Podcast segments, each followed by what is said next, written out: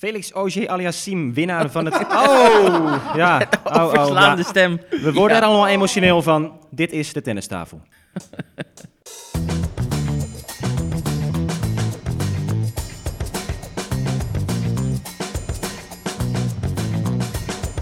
Please take your seats quickly, ladies and gentlemen. Thank you.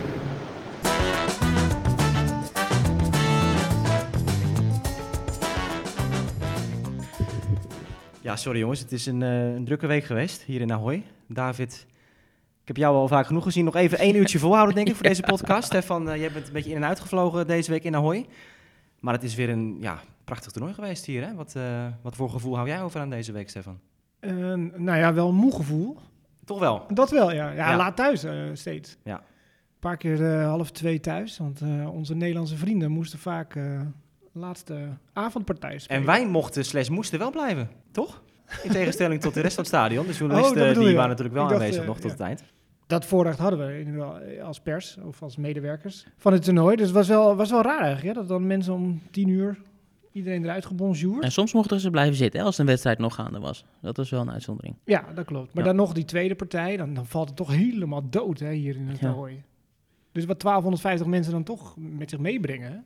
Zeker. Maar eh, zullen we een Ja, biertje nemen? potverdorie. Dat hebben we wel verdiend, toch? Daar staan ze dan. Ja, de, de echte diehard luisteraars die weten natuurlijk nog hoe we dat vorig jaar hebben gedaan hier in, eh, in Ahoy. Met eh, het vieren van de afronding van de week, hoe moeten we het zeggen? dat het erop zit. Ja, wij halen altijd de finale. Dat is ja, wel mooi. Ja, ja, precies. Dus we hebben altijd iets te proosten. Ja, Ja, na de- precies. na de finale dag. Nou, let's go. Nou, daar gaan we, jongens. 1, 2.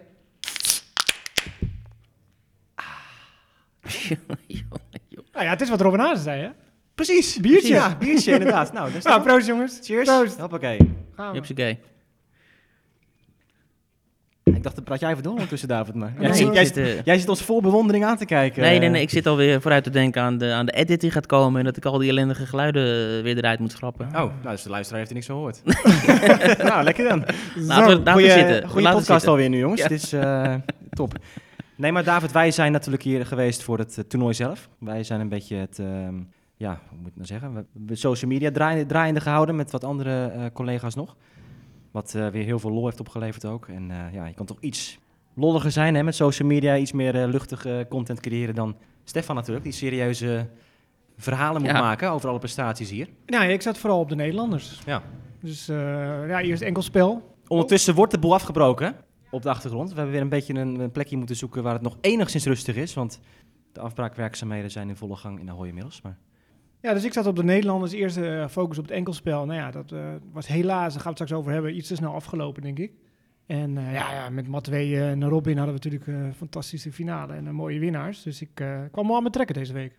Ja, maar toch misschien te vroeg voorbij met die Nederlanders in het enkelspel. Maar ja, ze zijn niet meteen uitgeschakeld of zo. Ze hebben wel iets eh, laten zien. Misschien was het uiteindelijk een verlies van Botik iets wat we niet eh aan zagen komen. Zeker ik niet. Nou, als... jullie niet. Nee, ik had hem als, als winnaar. Toernooiwinnaar? Ja, En toernooiwinnaar. Stefan, de finalist toch? Murray Botek had ik. Ik kom er nog meteen vooruit. Oké. Ja, ik... eh, Ik had Botik Rublev. En Botik dan als winnaar. Dus ja, dat was een, een ja, tegenvaller natuurlijk. Dat Botik Ja. eh, werd uitgeschakeld. Zeker ja, tegen Jiri Lehechka. Een man die we allemaal voor het eerst hebben gezien deze week. Ik weet nog, we, nee, waren ik niet. Je hebt hem helemaal niet gezien. Ik had niet wel, ik had hem eerder Oh, gezien. al. Challengers al. Oh, Davis Cup. Davis Cup, Hazen, tegen Hazen. Dat is waar, ja. Dat is waar. In, eh, in Tsjechië. hè. Dat was denk ik vier jaar geleden. Toen was hij echt nog heel Ja. jong. Nog steeds jong. Toen zag je wel van, oh, dat kan wel wat worden. Goede service, goede voorhand. Ja. Maar Haas had nog eh, drie sets nodig, geloof ik, om toen te winnen.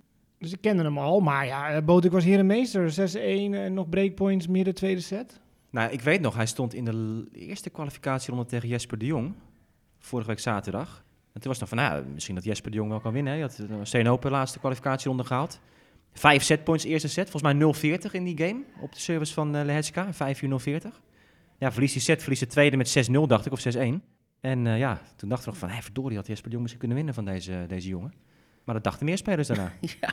Waaronder ook eh Chapeau, hè? Dennis. Shapovalov werd Ja. van de baan... eh, nou, getikt gaat misschien ver, maar... was ook een van de slachtoffers van die eh 20-jarige Tsjechische jongen. Die eh, zijn eerste overwinningen notabene boekte hier ook op ATP-niveau. Ja, had nog een tweetje Abe, namens het toernooi van hoe is het in hemelsnaam mogelijk dat deze Lehechka nooit eerder een, een wedstrijd heeft gewonnen op ATP-niveau. Ja. En wat, wat maakt hem zo goed? Waarom is hij hier opeens eh, zo ver gekomen? Nou ja, Tsitsipas die speelde de halve finale tegen hem. Die zei van, ja, hij speelde zo agressief in het begin. Hij won ook de eerste set, eh Lehecka. Van nou, dat, dat kan niet dat hij dat vol gaat houden. Misschien uh, vergapal ik... nou, laten we dat even anders zeggen.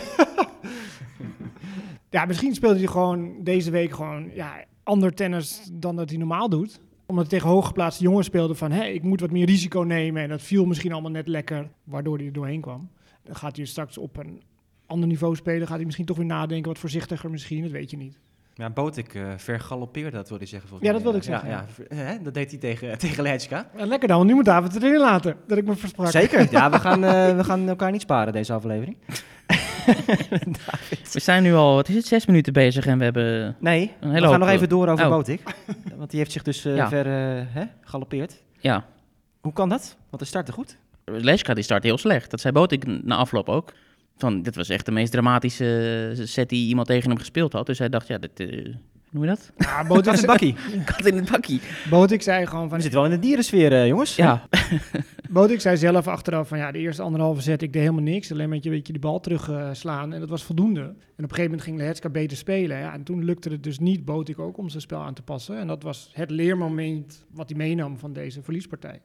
Ja, en dan ziet hij het ook als een gemiste kans. Ja, snap ik. We hadden het al ingevuld. We hadden die order of play van die dag. En dat, dat was ook de eerste wedstrijd ingepland, geloof ik. Ja. Kunnen we mooi afstrepen ja. en dan kunnen we door. Ja. Nou, maar ook zeker, want ik weet nog, begin van de week stond hij op de trainingsbaan met, uh, met Gatjanov. En ik zag hem trainen, ik dacht van, potverdorie, het is wel echt eventjes uh, next level uh, geworden met, met, met onze vriend Botik.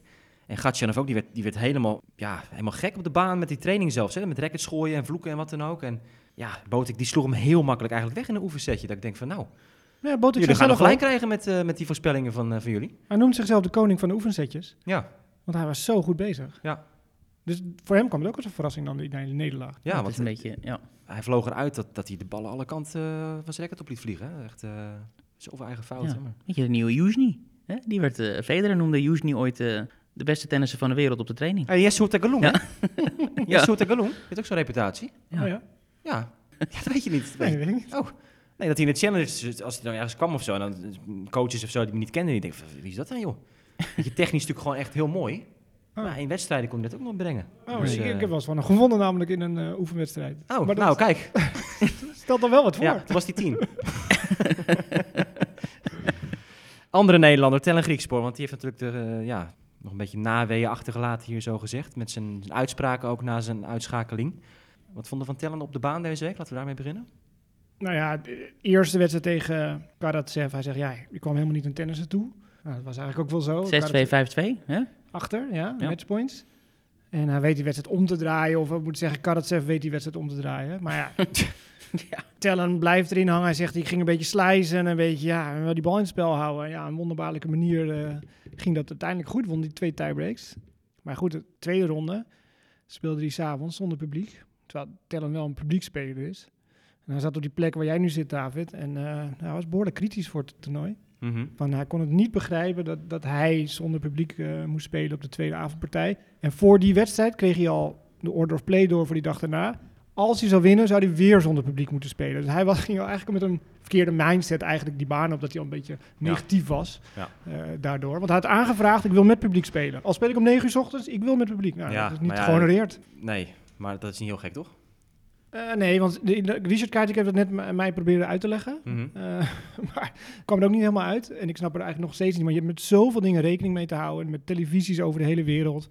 Maar ook, zegt hij, met dubbelschema's. Maar ook met paardjes in het schema van, uh, van, ja. van het toernooi. In galop. Ah, ja, maar hij zegt zelfs... Spelers al op vrijdagavond zeggen... ja, want een dinsdag moet ik naar Doha of zo. Hij zei, ja, dus moet ik met dat toernooi ook nog rekening mee gaan houden. Dus er loopt zoveel achter die schermen rond dat we Ja. niet weten. En een hele belangrijke factor, er waren twee Nederlanders die dag. Dus Botik stond in de dagsessie.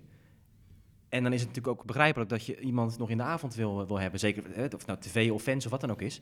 En je had Murray tegen Oziali Yassim. Ja, sorry, maar dat snap ik echt wel dat ze dat als de featured match uh, neerzetten om half acht. En dan tellen erachteraan. Nou, wat, wat, wat je daarna dus gaat krijgen. Hij wint. Als, als die wint, ja, dan moet je meer in de avond zetten. Want je kan niet dan de, de volgende dag om elf uur 's ochtends beginnen. Of één uur 's middags, weet je wel. Dus Ja. dan, dan zit je alweer in die, uh, in die dingen uh, verder te, te wurmen. Dus ja, wat je zegt, het is heel makkelijk om heel snel te reageren van... oh ja, hoe kan dat nou, dit en dat? Maar meestal is daar gewoon wel een, uh, ja, een verklaring voor. Ik bedoel, het is niet dat ze, dat ze zomaar wat op papier zetten.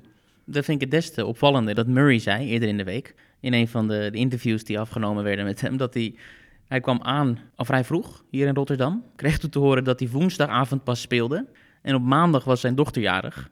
En toen zei hij dus, ja, dan had ik eigenlijk had ik nog wel kunnen blijven thuis. Als ik had geweten dat ik woensdag pas speelde. Dus Kijk, iedereen heeft natuurlijk zijn verzoeken. Je kan niet met iedereen rekening houden. Hè? Dat is natuurlijk logisch. Ja. Er zijn spelers die altijd aanvragen, ik wil s'avonds spelen. Ja, dat, dat gaat niet altijd, weet je. Dat, ja, Felix had bijvoorbeeld aangevraagd, ik wil zo laat mogelijk spelen. Gewoon deze, deze week. Hm. Een Zo laat mogelijke start, dus dat werd woensdagavond voor ja, hem. precies. Ja. Dus eh, dat soort dingen spelen allemaal. Ja, Roeblev niet. Die wilde niet s'avonds spelen. Hè? Die is geen avondmens. Nee, dat was een mooi interview, ja. Dat hij, eh, dat hij zei van dat hij um, ja, een beetje snel in slaap valt en dat soort dingen. En eh, toen moest hij de volgende ach- dag om half acht spelen. Toen zei hij, oh ja, maar god, als dat, als die, dat drie sets wordt, dan kunnen we weer in de problemen komen. en, nou, we baalden natuurlijk in eerste instantie dat er geen publiek was. Ook voor zijn, eh, zijn wedstrijd. Dus dat, ja, dat heeft natuurlijk iedereen. Maar Karatsev, die moet het toch even uitlichten, want dat heeft toch een mooi momentje opgeleverd. Die heeft natuurlijk zijn record kapot geslagen eh, op de baan. Beelden die ehm, vrij goed de wereld over gingen. En toen, eh, ik zat nog langs de baan voor de wedstrijd daarna. Jullie waren naar die persconferentie gegaan, of jullie waren in ieder geval binnen. En ik kreeg ineens fotootjes door van Stefan Kok en David de Vakian met, eh, met het racket van Karatsev in eh, de handen. Ja, dat Wat- lag daar. was het ineens? Dat lag in de perskamer. Eh, wel leuk om te zien. Hè? Het was op negen plaatsen gebroken. Ik heb geteld. Oké. Ah. Het was, eh, ja, het was een voltreffer. hij deed ook echt zijn best. Ja, Nou, maar als hij de kracht uit zijn kuit had gehaald bij het slopen van het racket, dan weet je het wel. Ah, sterker nog, hij sloeg op stuk op zijn kuit. Ja, ja. Ja. Jongen, dat is niet normaal. Berrettini had geprobeerd, dat hij zijn benen gebroken. Ja. Ja, ja, de man zonder kuit is dat. Ja. Ja. Nee, maar dat is- ik zei het ook, het is, het is gewoon een baanwielrenner als je hem ziet bijna, die benen. Als hij zich zo gaat spannen zo over die return, weet je Ja, wel. wij hebben op de training ook nog een paar keer gekeken. Het is Ja. niet normaal. Dat is echt niet normaal. Als je dat in het echt ziet van, eh, van dichtbij. Dus ja, er wordt weer iets omvergekegeld. Ja, we zitten in de, Eh, in de persconferentiezaal, hè, trouwens. Volgens mij hebben we dat gezegd, maar... Volgens mij niet. Volgens mij wel. Oké. Maar we gaan lekker niet door. als ik wat zeg. ik zeg, ja, het is op de plek van Tellen. In Oh, de persconferentie. Ja. ja. kijk. Grieks spoor met zijn uitspraken. Over ehm, het toernooi en in de avond spelen. En, Nou, ja. en dat hij misschien naar Zuid-Amerika gaat spelen in deze periode volgend jaar. Ja. Dat vond ik wel een pittige. Dat hij denkt erover om vier weken op gravel te gaan spelen. En dat dacht hij eigenlijk nu al, Mhm. dit jaar. Maar nu helemaal dan volgend jaar. Nou, Krajcik reageerde, ja, dat zegt hij misschien een beetje de emotie en dit en dat. Ja, ik bedoel, het toernooi heeft ook wel wat voor Tellen betekend, toch, de afgelopen jaren. Met wildcards en dingen. Hij heeft altijd een wildcard nodig gehad om mee te mogen doen. We gaan het zien volgend jaar. Wij zaten de hele week vrij dicht op de baan.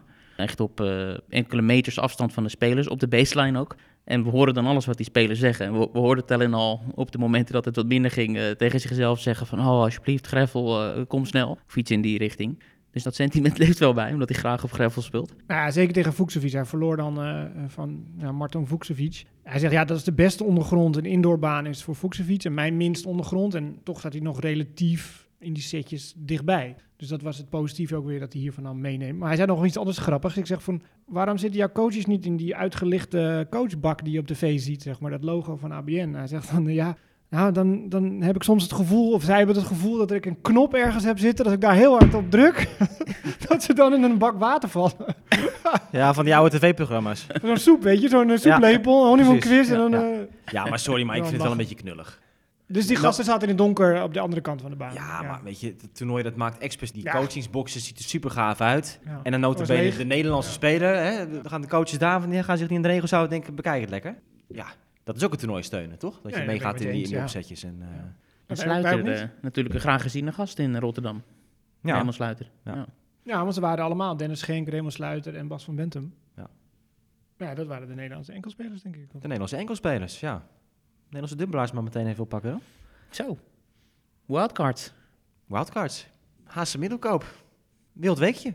Ja, nou, het begon eh, helemaal aan het begin natuurlijk. Misschien wel het wildste. Dat ze wonnen van Mate Pavic en van eh wij doen het Nikola ook hier. Wij, wij drinken met maten. Dat is drie, hè? ja, ja. ja, ja, ja, precies, ja. De gasten die, die het hele dubbelspel eh rulen op dit moment. Het afgelopen jaar dan.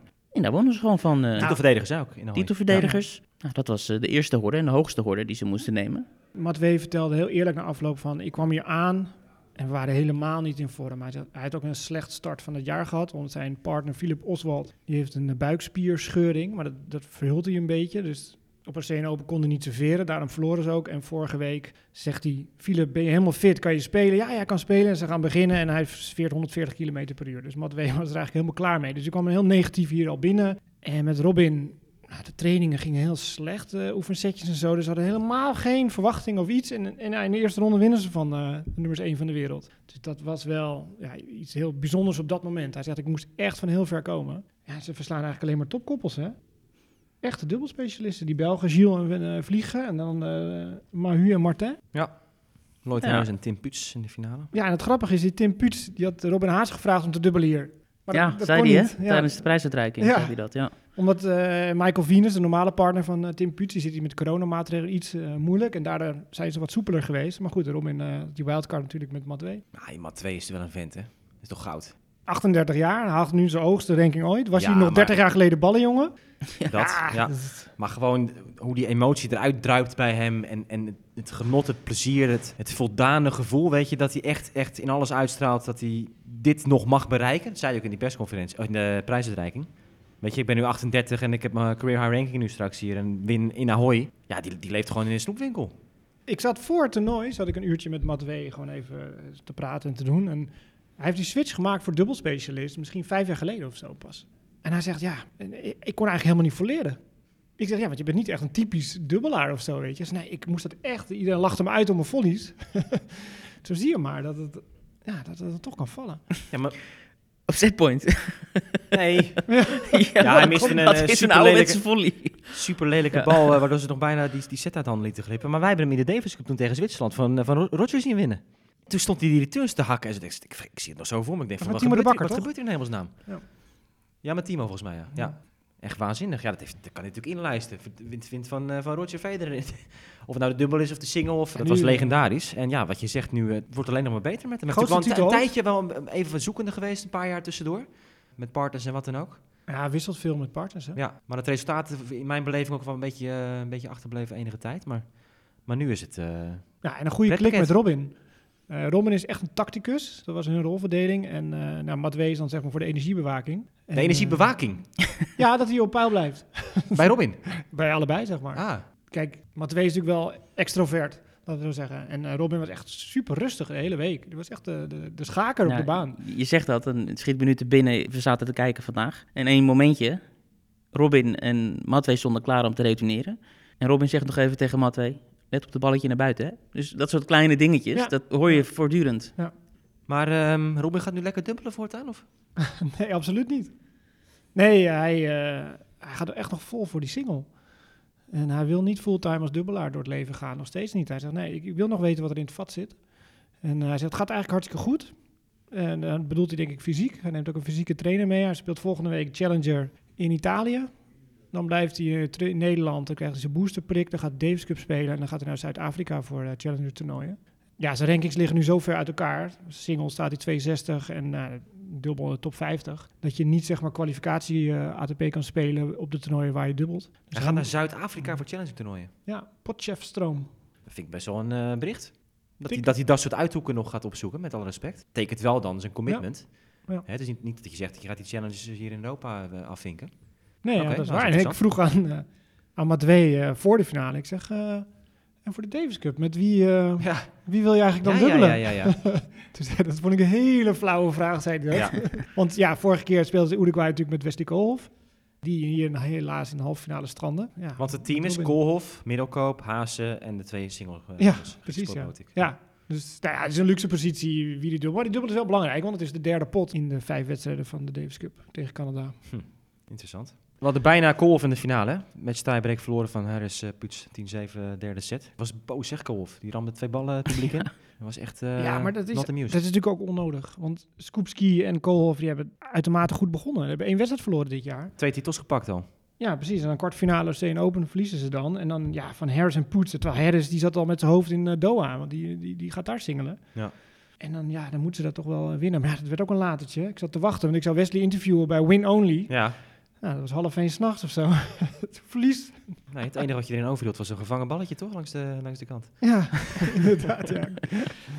Goed. Over die ehm, ballen gesproken trouwens. Ja, Daar is ook heel veel uh, over geklaagd, weer dit jaar. Dat zijn Matwee ook. Daarom miste hij die, die makkelijke volley, want hij wil hem overhitten. Ja, dat zag je gelijk. Het lag puur aan de bal. Ja, Hij zegt, want je krijgt die ballen niet weg. Nou, hoef je hem niet op je eigen helft Ja. te slaan. Dat is misschien wat overdreven. Maar, Nee, maar dat, is, nee, maar dat enthousiast. ligt puur aan de bal dat je een framebal op je eigen helft verleert, toch? Dat, is, dat heeft niks te maken met verdere techniek of wat dan ook. Ja, nee, maar goed. Dat, eh, en, en, Botik begon ook nog over de omstandigheden die eh, steeds anders waren. En nu hoorde ik een Krajcik net eh, een afsluitende praatje zeggen in de persconferentie... dat ze de thermostaat twee graadjes warm hebben gezet. Wanneer? Ja, gedurende de week. Zou dat ermee te maken kunnen hebben? Omdat ze gewoon, ja, ze gingen rekenen met 10.000 man. Het Ja. geeft een beetje warmte. Maar er waren maar Maar ik heb, ik, heb, 1000 ik man. heb vijf dagen door de zaal geschreeuwd dat het zo koud was inderdaad. Dus misschien heeft iemand het opgevangen. En dat je vegetariër bent. Ja, ja, precies, ja. Ja, ja er, Misschien was, had het. er was veel te doen over de omstandigheden, maar dat is een beetje hetzelfde liedje elk jaar. Toch? Die baan ook, eh, die zou Ja. dan nu versneld zijn. Sneller zijn, maar ja. Eh, die ballen zijn wel hetzelfde trouwens. Chapo die helemaal eh, door het lint ging op de baan. wie heeft Stuit deze, anders. Elke stuit is anders. elke stuit is anders. Wie heeft in hemelsnaam deze baan aangelegd? Uh, Bublik die zat te zaniken over dat het te donker was. I can't see anything. En ook in het Russisch heeft hij allerlei hele vervelende dingen geroepen. Nou ja, de trainingsbanen zijn ook anders dan het centenkoord. Hoorde Ja, en Kellen ik hoorde ook, ze, naarmate de week vordert, wordt de baan sneller. Want dan is de toplaag eraf. Nou, wie er geen last van had, dat is in ieder geval iemand uit Canada geweest. Hè? Niet Chapo, maar eh, zijn maatje. Felix Auger-Aliassime wint van Rublev in de halve finale, nummer 2 geplaatst. En Tsitsipas in de finale. Dan heb je het wel verdiend. Toch? Ja, ja goed, we hebben... We? Nou, Stef is ook niet eh, number one fan. Nee, zeker. maar ik, Nee, maar ik distancieer me even van de Ja, term toch niet. deze. Nee, maar, ja, Je had hem als winnaar, toch? nee, maar hij had de Canadese Chapo. finale. Nee, ik heb Het Felix is, laten al, het is alles of niets. Het is niet... eh, Ik heb ook Felix als winnaar opgeschreven. ja, tegen. Chapo. Ja? Als je, Oh, dan telt het niet meer. Nee. Van Chapo heeft gewonnen, telt het niet. als, je, Ah. als jij zo specifiek bent met, eh, met de twee Canadezen, hè, dan moet je tot het einde gelijk hebben. Ah, jammer, Abe. Volgende keer beter. Felix als winnaar, dat is toch gelijk? Nee, gefeliciteerd. Leuk, man. Tegen Tsitsipas eh 6-4, 6-2. Ja, dat was wel even een Hallo, eh, maar het eerste setje die hij ooit wint in de finale. Ook dat? De acht finales verloren. 16 sets verloren in de finale.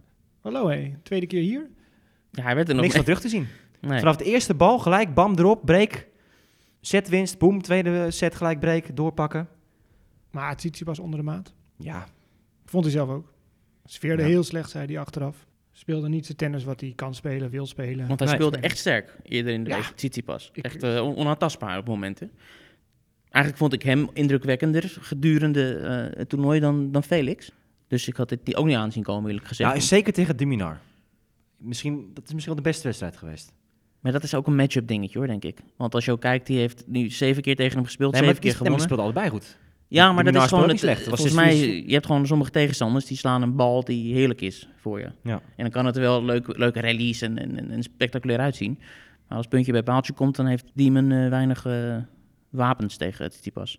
Nou, Tsitsipas zei wel van dat, dat hij juist door die power van de Diminar zo verrast nog wel was in die partij. Hm. Maar goed, dat gaat hem een beetje erg diep nu. Ja, ik vind het prachtig hoor, dat, dat Felix wint. En ik denk zeker als je het later, als hij zijn carrière erop heeft zitten, dan heeft hij denk ik een paar slams in, in zijn tas zitten.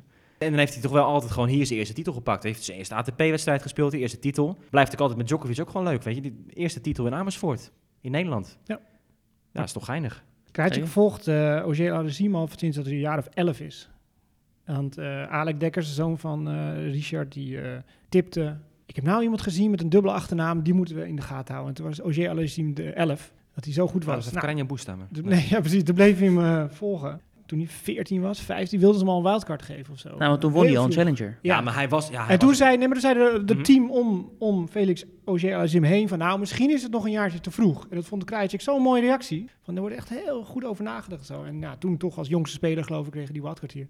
Nou, het is prachtig dat hij loyaal is gebleven. Dat is natuurlijk een trend hier in Rotterdam, dat heel Ja, veel maar- spelers... Precies, maar zeker ook omdat hij... Weet je, dit is een Canadees. Het is niet Hmm. eh Yannick Sinner uit Italië. Wat? Nee, dat klopt. Nee, maar dat- ik bedoel, voor- dat soort lui is het veel makkelijker om hier terug te komen, toch? Ik bedoel, ja. Ja. maar hij gaat nu naar Monte Carlo, zegt hij. Volgens mij eh, verblijft hij daar. Gaat hij gelijk naar Australië? Gaat hij in Monte Carlo? Gaat hij lekker... eh, Nee, nu naar Rotterdam. Nee, snap ik, maar normaal gesproken. Normaal gesproken zou je toch wel even lekker naar, Ja, hij naar gaat de naar Monte familie in Carlo Canada gaan. Zijn moeder is mee Ja. en dat is wel leuk wat hij daarover zei. Zijn moeder is lerares en zij heeft nu een half jaar vrijgenomen om met hem mee te reizen. En dit, dit was het eerste toernooi waar zij bij was.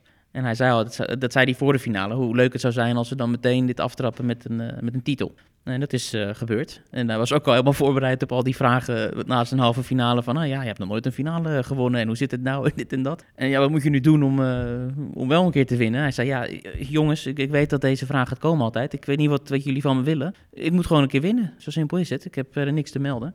Ja, dat heeft hij meer dan overtuigend gedaan. Die moeder die werd ook emotioneel volgens mij als ik goed zag. Na die halve finale tegen Rublev. Dat ze echt al zoiets had van eh, mooi mee te maken. Maar goed, ja, nu is het eh, eindelijk dat syndroom. Het finale syndroom van Felix is, is weg.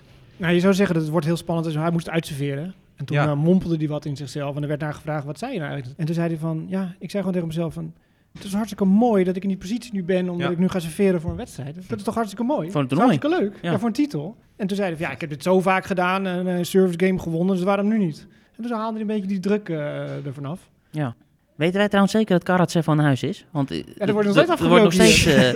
eh, Hoeveel rekkers heeft die man? Ja. jongen, jongen. Nee, ik, zit, ik zit nog even naar het schema te kijken. Want weet je, hij wint gewoon dus van Tsitsipas, Rublev, nou, Norrie. Winnaar van de Indian Wells in straight sets. Murray daarvoor. Straight sets. Het is wel echt een route. Nee, het was, het was indrukwekkend deze week. Alleen de eerste ronde tegen een qualifier. Daarna verloor hij notabene nog de opening set eh, in die partij tegen Gerasimov. Jullie vinden dat mooi, hè? Dat hij dan wint van Tsitsipas in die finale en niet van Lehechka of zo, hè? Dat is voor het cachet geeft dat meer. Ja. David is helemaal de weg kwijt. Die zit, die zit met die edit in zijn hoofd, die hoort allemaal geluiden. Die denkt, Ja. het wordt helemaal niks meer. Jongen, jongen.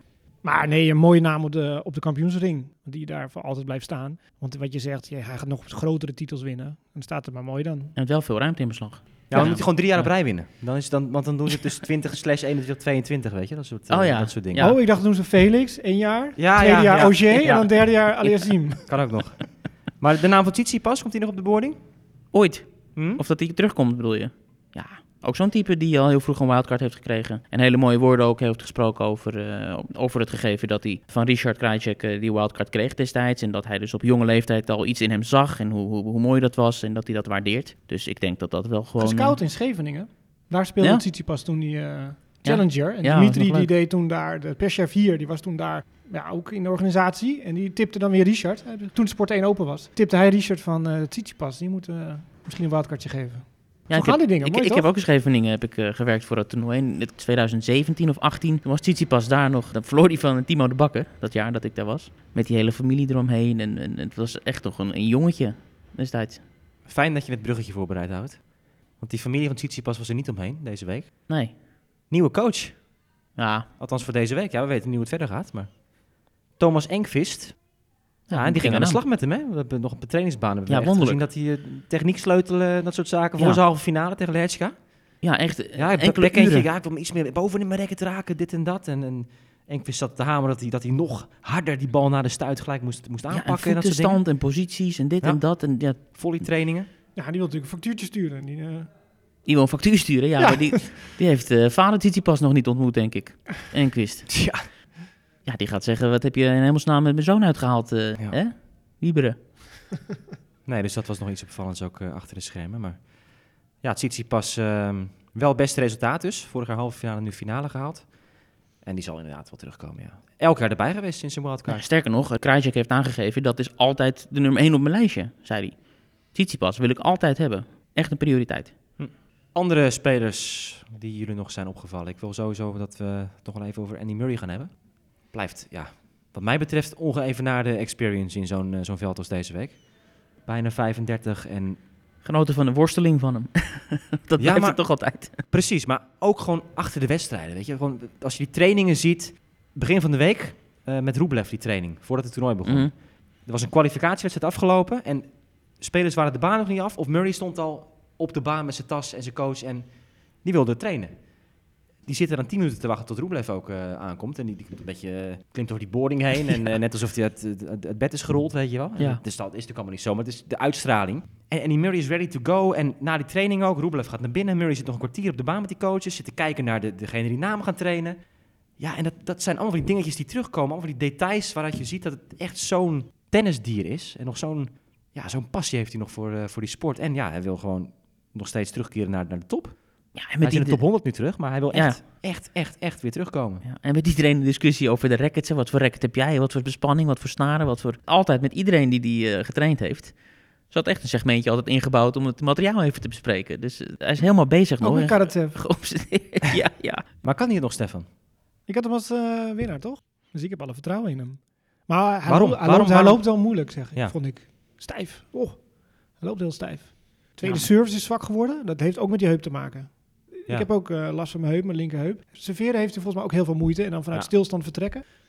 Maar ja, ik ja, ik heb wel weer dingen gezien als hij snel kan spelen. En, Ja, de vraag hij is zit- alleen of die meerdere wedstrijden achter elkaar, of dat allemaal gaat lukken. Hè, zo twee dagen achter elkaar spelen na, na een zware pot, hoe dat Ja. herstellen en Ja, dat maar hij, hij wordt ook denk ik langzaam toch slachtoffer van dat het... Weet je, het gaat alleen maar harder nog steeds met dat tennis. Fognini heeft van de week ook weer een uitspraak gedaan dat al die nieuwe jongens, hij zegt, ik vind het allemaal niet leuk met het tennis. Het is, als je nu kijkt, iedereen van die nieuwe generatie speelt hetzelfde, zegt Fognini dan. Het is gewoon, bal komt eraan, zo hard mogelijk die bal terugslaan. En Murray is natuurlijk ook een strateeg. Hè? En, en ja, spelers kapot schaken en zo is hij opgekomen en zo is hij nummer 1 van de wereld ook een tijdje geweest. En ja, het is inderdaad gewoon alleen maar achter de bal aan rennen tegenwoordig bijna. maar dat vond, Een ik beetje wel, respectloos gezegd dan. dat vond ik wel eigenlijk wel pijnlijk om te zien, want hij was kansloos tegen Ogier Alessim. Die was zo Ja. in charge in de rallies. En kijk, tegen zo'n, van wie won die Boeblik? Hm. Ja, zo'n rare snuiter, weet je. Dan kan je een paar Ja. goede turns en dingen, dat, dat kan nog wel. Ja. Maar zo Ogier Alessim, die toonde echt aan van, ja, deze generatie is gewoon nu beter dan een Murray. Ja, maar ook zo iemand, ook zoals die finale van Tsitsipas won. Weet je, hij staat op een gegeven moment in die bek natuurlijk voor ons uit te delen. En dan kom je daar niet meer onderuit. En dat is natuurlijk meer en meer het spelletje. Wie, wie het eerste initiatief heeft om uit te delen, ja, die, die speelt over het algemeen de ander kapot. Want het niveau wordt ook gewoon beter in, in dat opzicht. Nu zal hij er wel anders naar kijken dan Fognini. Fognini die zal zeggen, ja, ik vind het allemaal niet meer leuk. Murray die zal zeggen, hm, nieuwe uitdaging. Kan ik het nog met mijn spelletje tegen dit soort gasten? Dus Ja. dat vuur, dat zal wel blijven branden, denk ik. Nou ja, en ik zag Murray ook best wel aanvallend spelen eerder eh, in het seizoen. Nu vond ik een beetje echt wel achter de baseline aanrennen weer, zoals vroeger. Ja. Maar toen hij bijvoorbeeld Antwerpen zo goed speelde en zo, toen, eh, dat was dan vorig jaar of het jaar ervoor, toen speelde hij best wel naar voren toe en zag je dus ook dat hij goed kan voleren eigenlijk. Maar hij heeft ook dat nieuwe record nu, hè, 98 inch blad in plaats van 95. Om ook die meer power en meer eh, controle tegelijkertijd te hebben over die power. Dus ja, dat betekent natuurlijk ook dat hij nog op dit moment in zijn carrière die switch maakt. Ja, dat hij niet eh, voor spek en bonen nog eh, een paar maandjes mee gaat doen. Gaat niet op gravel spelen, volgens mij hebben we dat vorige week al gezegd. In ieder geval, eh Andy Murray gaat zich straks op het gras meer richten. Ik heb wel een pijnlijke, eh, hoe noem je dat? Analyse, Nee, opinie? Billen. nee, ik moet, eh, ik moet iets bekennen. zitten? Ik moet iets Oh. bekennen. Ja, ik voel hem aankomen. Oh, Hij heeft hem al eh, aan mij neergelegd. Ja, deze, Ik- deze onthulling. we zaten langs de baan en, en het was bijna gelijk paniek in de tent. Oh. Want Oh, David ja. kwam in één keer met een statement dat volgens mij viel ik van mijn stoel af. maar ik, ik ga het toch gewoon erkennen. Dus mijn fout. Wacht maakt even. uit, Nee, David. dus luisteraars moeten- alles voor open. luisteraars moeten er ook even veilig zitten. Weet je, als je achter het stuur zit, hou de weg even goed in de gaten. Want nu komt de bombshell van, eh, van onze Ja. David. Cameron Norrie. Wat een speler. Cannot be ignored. Nee, ik, Jongen, jongen. ik heb natuurlijk eh, mijn beroep ervan gemaakt om die man eh, met de grond gelijk te maken bij elke gelegenheid. Ik zit ondertussen even te Ja, appen voor de, de beademing voor Stefan hoor. Want ja, Ja, nee, maar we zaten nu dus heel dicht op die baan, op de baseline, op enkele meters. En dan is het gewoon een fantastische speler. Ik had hem voorheen alleen maar gezien vanaf de tweede ring, waar jij een beetje zat, Stef. En dan is het ja niet dus zo... Stefan, vindt- Stefan nog steeds niks. Ik blijf er lekker zitten. Dus jij zal niet overtuigd zijn van, de, van mijn eh, omslag hier. Maar het voetenwerk en eh, de lichtvoetigheid en, en dat enorme contrast tussen die spin voorhand, dat loopy slaan en dan die zo flat as a pen. Nee, dat Backhand. Hij Nee, is links. dat kan je Ja. wel zeggen. Ja. Flat as a pancake. flat as a pancake. Ja, hij is ook Tegen Die backhand, ja. En dat was vanaf eh, dit oogpunt wel indrukwekkend om te zien. En de, gewoon hoe, hoeveel je moet doen om een punt te winnen tegen Cameron Norrie. En hoeveel hij moet doen om een punt te winnen. En hoeveel beweging en tempo valt mee, wat er uiteindelijk afkomt. Ja, maar wacht even. Dit is het. Ja. Nummer 13 van de wereld. Wat is het? Zoiets? Ja, in New kampioen. in New Wells winnaar en dat soort zaken. Dan is ja, het, nou, eh, het in dit geval is dat toch best wel... eh, Dan zijn we dat gezeik ook af. Nee, maar dit is het dan. Is dat toch best prettig of niet? Ja, maar dit is het spel. Dit is het. Dus je Ja. koopt een kaartje van Noor. Je weet precies wat je krijgt. Dit. Ja. Dan moet je misschien een duurder kaartje kopen, Ja, je zodat moet vooraan zitten. moet Ja, vooraan zitten, ja. precies. Ja. Als je kaartje koopt, jij zit tweede ring. Oh, dan, dan kom ik niet. Van, eh, van de, ja, hoe moet het zeggen? Van Cameron Norrie naar Lorenzo Musetti, laat ik het zo zeggen. dat is even jou, Norrie. Lorenzo Musetti, dat is even de andere kant van het spectrum, denk ik. Toch? Vorig jaar op Roland Garros al Genieten. geïmponeerd tegen Djokovic, 2-0 sets voorgekomen. Maar deze week heeft hij eh, nieuwe stappen gezet in zijn carrière. Bijna had hij die halve finale gehaald. Hij verloor toen 7-5 derde set van eh Lehechka. Ja, Een fijne speler, toch? ontzettend. Ja. Ja, maar hij zat wel een beetje in een wak, hè, de laatste maanden. Dus hij kruipt eruit. Ja, maar is toch jong, hè? Niet, eh, 19 jaar. Ja, Echt een jonkie nog. kan hij nog wel in wak zitten. Ja. Na die Roland Gros heeft dus wel heeft pijn gedaan. Ja. Dat hij zo Nu is hij eh, wakker. Ja. Woke. Ja, precies. Eh, oh, Ontwaakt. Nee, mooi. We hebben een tatoeage hè, met zo'n eh zo'n tennisracket met zo'n hartslag. Ja, Ja. ja, dus hij is ja. echt, echt een tennis, eh, tennis, tennis. De mooiste uitslag was een winst op Hoerkac. Nummer 4 geplaatst. En ja, kwartfinale. Dus dat... eh, Ja, wij hoorden is trouwens nog uit anonieme bron dat Muzetti na zijn verlies... Oh, dat gaan we erin gooien? Ja, uit anonieme bron. Ja, nu komt de privéafdeling. Komt weer een bombshell, jongens. jongen, jongen. Dat hij in, Weer van, veilig, veilig het zuur vasthouden nu. dat hij in een van die eh toernooi BMW stapte met twee eh, Hollandse jonge dames. En aju Rotterdam. Dat was wel een opvallende manier om je verlies te verwerken. Verliest hij daar zoveel? ja. Lekker man. Oh, oh, oh. Ik denk dat dit een eh, mooi eindpuntje is voor het ABN AMRO toernooi. Zijn er nog andere dingen die blijven hangen van deze afgelopen week? Of zijn we mooi rond op deze manier? Nou ja, kijk, dat er 1250 mensen erbij zijn, Ja. heeft wel het toernooi ook wel gered. Zeker. Wij zagen nu echt heel duidelijk wat het doet zonder publiek en een klein beetje publiek. Normaal kunnen er 10.000 mensen in per sessie, maar 1250 is eigenlijk ook wel hartstikke mooi. Ja, maar die maken herrie hoor. Ja, het is weer gewoon alles. Nou ja, ze hebben de pech natuurlijk dat misschien, eh, nou, morgen is persconferentie op dinsdag, dat, dat er weer meer versoepeld wordt, dat we net een week te vroeg waren. Maar aan de andere kant zeggen ze hier ook van, ja, weet je, twee jaar geleden waren we net het laatste evenement wat nog door kan gaan. Dus dan Klopt, ja. heft het Ja. een beetje elkaar op. Maar ehm, ja, je zit in een mega groot ahoy hier. En er wordt eigenlijk maar een heel klein beetje wat ervan benut. Maar iedereen was zo blij dat er mensen waren en zo, dat ze dienstverlening konden doen. En dat was echt pas tien dagen voor het toernooi, hè, dat ze besloten om het toch mensen toe te laten. En het is niet zo van, we doen de deur open en eh, hier is uw stoeltje. Nee, er moet dus met verlichting, met personeel, met beveiliging, met catering, er moet een heel hoop gebeuren. Ja, Ja, dat is chapeau hoe ze dat gedaan hebben. Krajcek heeft dat eh, uitgebreid ook besproken bij de prijsuitreiking. Uitdaging die erbij hoorde. En hij werd, hij werd toch weer een beetje emotioneel ook. Hè? Hij had het vrouw heeft verteld van vorig jaar dat hij eigenlijk maar vier punten had gezien het hele toernooi. Omdat hij het gewoon niet aankon om te kijken naar het lege stadion heel de tijd. Dus twee punten voor de prijsuitreiking voor de dubbel en twee punten voor de prijsuitreiking voor de single. Want dan moest hij klaarstaan. Dus dat, ehm, toen hij dat ging vertellen, toen voelde hij al, of hoorde hij alweer dat hij wat eh, ja, emoties in zijn stem kreeg. En het wheelchair toernooi wil ik nog wel even Mhm. aanstippen. Want dat blijft altijd fantastisch dat dat samenloopt hier in eh, Rotterdam. En wij hebben ook vaak genoeg eh, daar langs de baan gezeten en gezien wat die mannen doen. En het, het blijft ongelooflijk soms. Nou, het, het verhaal daar, wat nu aan het ontstaan is, is dat er een, een 15-jarige jongen uit Japan in opkomst is. En die, eh, ja, die ziet er ook uit alsof hij begin 20 is. En echt, dat wordt wel echt een ster, denk ik. Gewoon qua uitstraling en zo die hij heeft. Tokito eh, Oda. ja, Ja, nee, dat is fantastisch. Maar ook gewoon... won een wedstrijd ook hier en verloor net Ja. van de nummer 1. Of Ja. de latere winnaar, Elfie Hewitt. Elfie Hewitt. Elke keer weer petje af voor eh, wat die mannen laten zien. Het is, het is zo atletisch en het is zo indrukwekkend. En wij zitten ook de hele week in die foto's te graven... wat we dan moeten gebruiken voor de social media. Het is bijna nog mooier en indrukwekkender wat, wat zij doen... en wat, wat zij laten zien dan, eh, dan de valide Een sporters. soort Norrie van dichtbij dan, dat je helemaal onder de indruk bent. Van Ja. dichtbij zie je Ja. pas hoe moeilijk het is.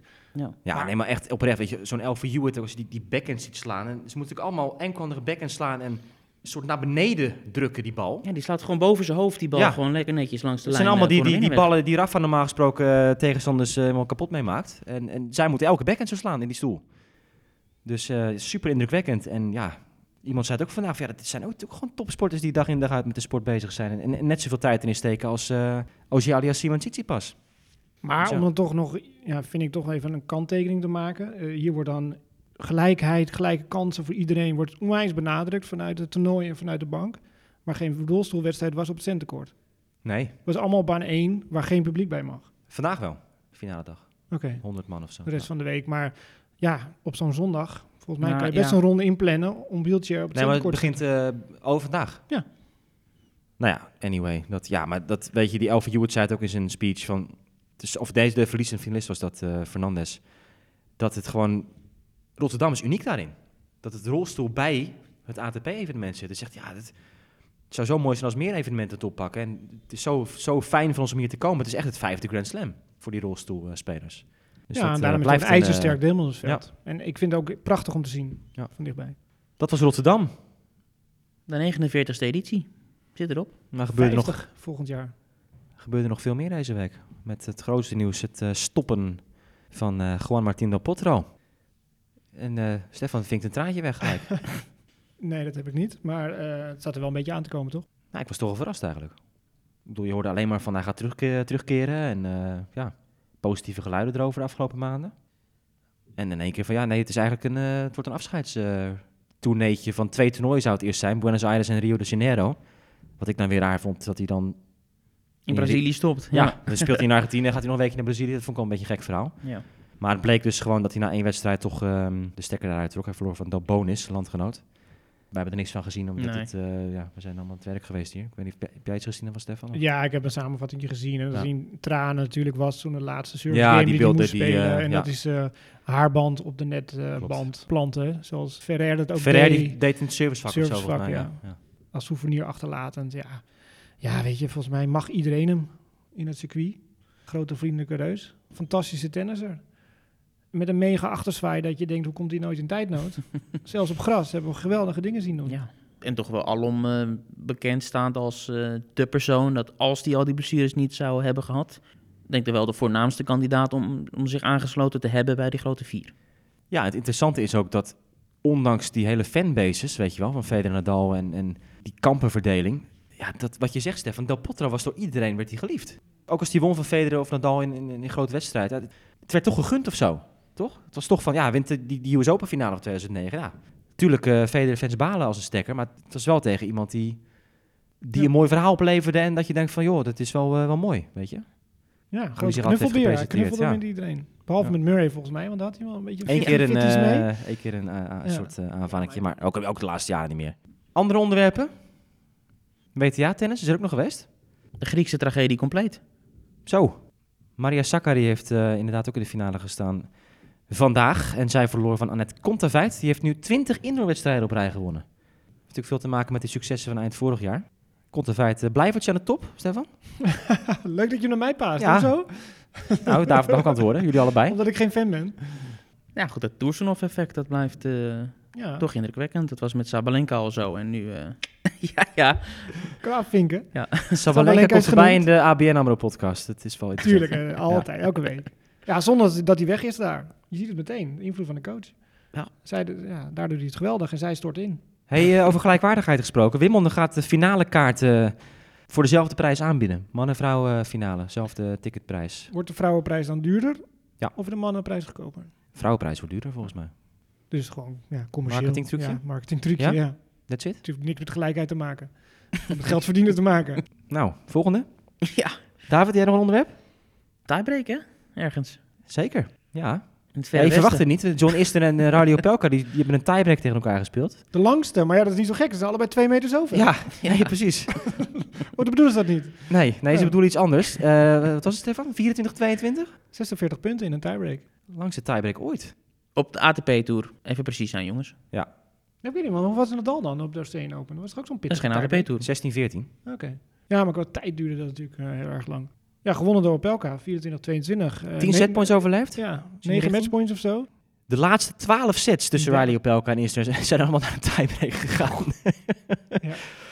Ja, het is, eh, In Dallas, indoorbaantje. is niet te geloven. Maar goed, ja, die Isner is natuurlijk bekend om die 70-68 tegen eh, Mahu, Mahu. op eh, Wimbledon. Dus dit record heeft hij ook eh, in de pocket. Royer in de dubbelfinale daar in Dallas. Met eh Arevalo. Ja, ik zag nog voorbij komen dat Taylor Swift bij Swantek thuis was. Maar dat wordt een beetje nu van, was het wel zo, is het niet zo? Nou ja, ik, ik Ze zag het ook voorbij. Ik dacht, het zou Ja. een grap zijn of zo. Maar Ze is bezig met een liedje, op, geïnspireerd op de Roland Garros winst van eh Iga. oké. Nou, apart, als het waar Ja. is. Ik eh, heb niks toe te voegen aan deze kwestie.